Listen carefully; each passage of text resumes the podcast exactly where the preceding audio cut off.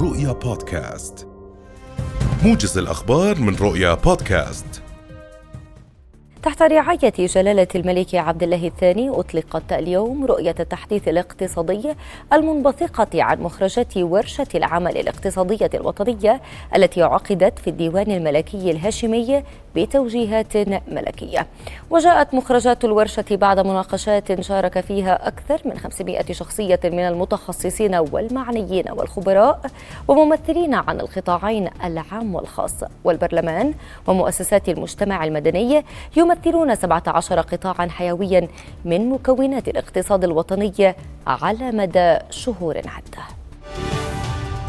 بدأ نائب رئيس الوزراء وزير الخارجية وشؤون المغتربين أيمن الصفدي ونظيره وزير الخارجية المصري سامح شكري اليوم زيارة عمل إلى العاصمة العراقية بغداد للقاء عدد من القيادات وكبار المسؤولين العراقيين.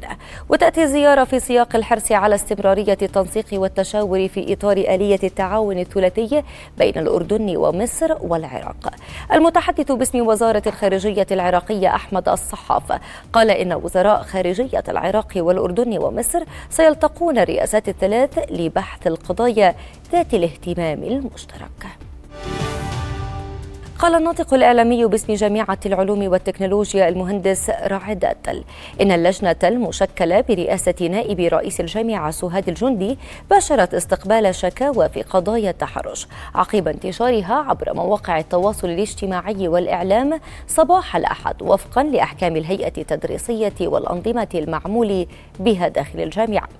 وأضاف التل أخبار السابعة اليوم أن الجامعة تدعو جميع المتضررين بالتوجه إلى لجنة التحقيق والرئاسة لتقديم شكواهم مؤكدا أن التعامل معها سيتم بسرية وكتمان وحيادية مطلقة حفاظا على الخصوصية مشيرا إلى وجود شكاوى لا تحمل بيانات وأدلة وأن الشكاوى المتضمنة أدلة وقرار لا تتجاوز ثلاث شكاوى.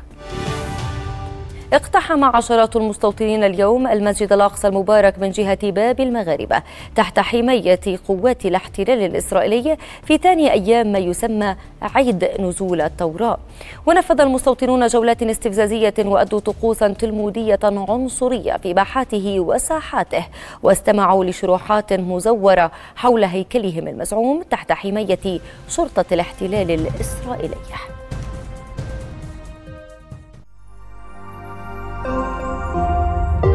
رؤيا بودكاست